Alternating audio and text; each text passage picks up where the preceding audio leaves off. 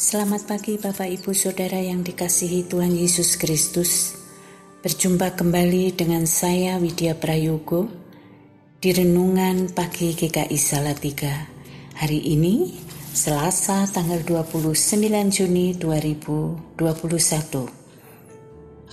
Untuk mengawali renungan pagi ini, mari terlebih dahulu kita berdoa memohon pimpinan Tuhan.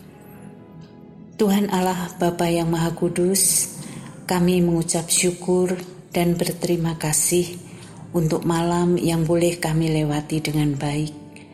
Terima kasih untuk pagi yang indah ini, kami boleh bangun dengan tubuh yang segar. Untuk mengawali kegiatan kami di hari ini ya Bapa, kami akan merenungkan firman-Mu. Tolong kami agar kami dapat mengerti dan melakukan firman-Mu dengan sungguh-sungguh. Di dalam Kristus kami mengucap syukur. Amin. Saudara-saudaraku yang dikasihi Tuhan, adapun tema renungan pagi ini ialah Tuan atau tamu. Adapun ayat yang mendasari renungan ini diambil dari kitab Yohanes pasal 2 ayat 1 sampai dengan ayat yang ke-11 dan saya akan membaca ayat yang ke-7. Yesus berkata kepada pelayan-pelayan itu, Isilah tempayan-tempayan itu penuh dengan air, dan mereka pun mengisinya sampai penuh. Kita semua pasti pernah kedatangan tamu Bahkan kita juga pasti pernah berkunjung ke rumah orang lain sebagai tamu. Entah kunjungan itu hanya beberapa menit atau beberapa hari, bahkan minggu, adalah suatu kewajiban bagi tuan rumah untuk menghormati dan melayani tamunya dengan baik. Meski demikian, sebagai seorang tamu tidak mempunyai kuasa, ataupun otoritas di tempat yang dikunjunginya. Otoritas tetap dipegang oleh tuan rumah. Jadi, tuan rumah tetap dapat dengan bebas melakukan apa pun yang ia inginkan di rumahnya. Begitu pula yang dilakukan oleh Yesus. Satu kali Yesus datang ke sebuah pesta perkawinan sebagai tamu undangan pada saat pesta berlangsung, tuan rumah kehabisan anggur.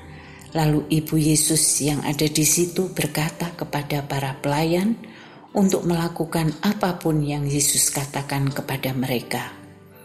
Yesus pun meminta kepada para pelayan untuk mengisi tempayan-tempayan penuh dengan air dan lalu membawanya ke pemimpin pesta.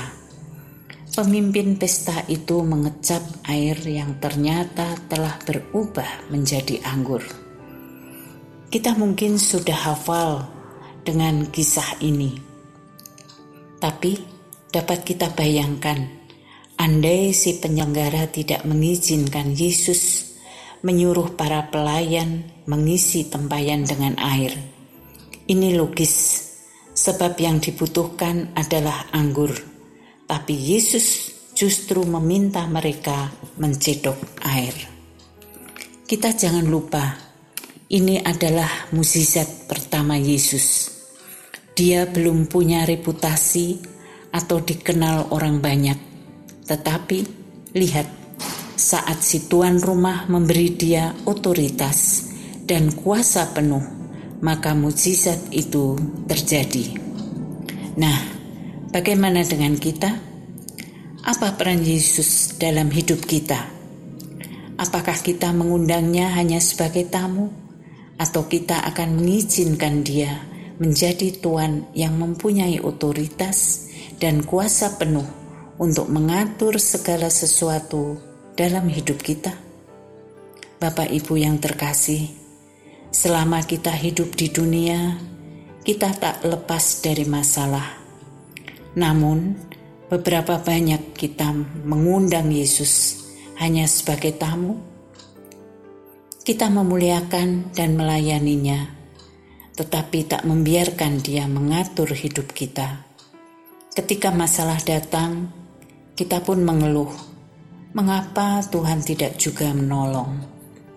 Mari, izinkan Yesus menjadi Tuhan. Biarkan Dia yang memegang kendali dan otoritas dalam hidup kita, dan kita alami akan kuasanya. Mari kita berdoa. Bapa yang baik, kembali kami datang kepadamu ya Tuhan, Bila kami hendak memulai aktivitas kami di sepanjang hari ini, kami mohon pimpinan serta penyertaan Tuhan, agar kami dapat menjalani kehidupan kami sepanjang hari ini dengan baik. Mampukan kami agar kami tetap bersandar ke dalam tangan kuasamu ya Tuhan. Di dalam Kristus kami berdoa dan mengucap syukur. Amin. Selamat beraktivitas, salam sehat, Tuhan memberkati.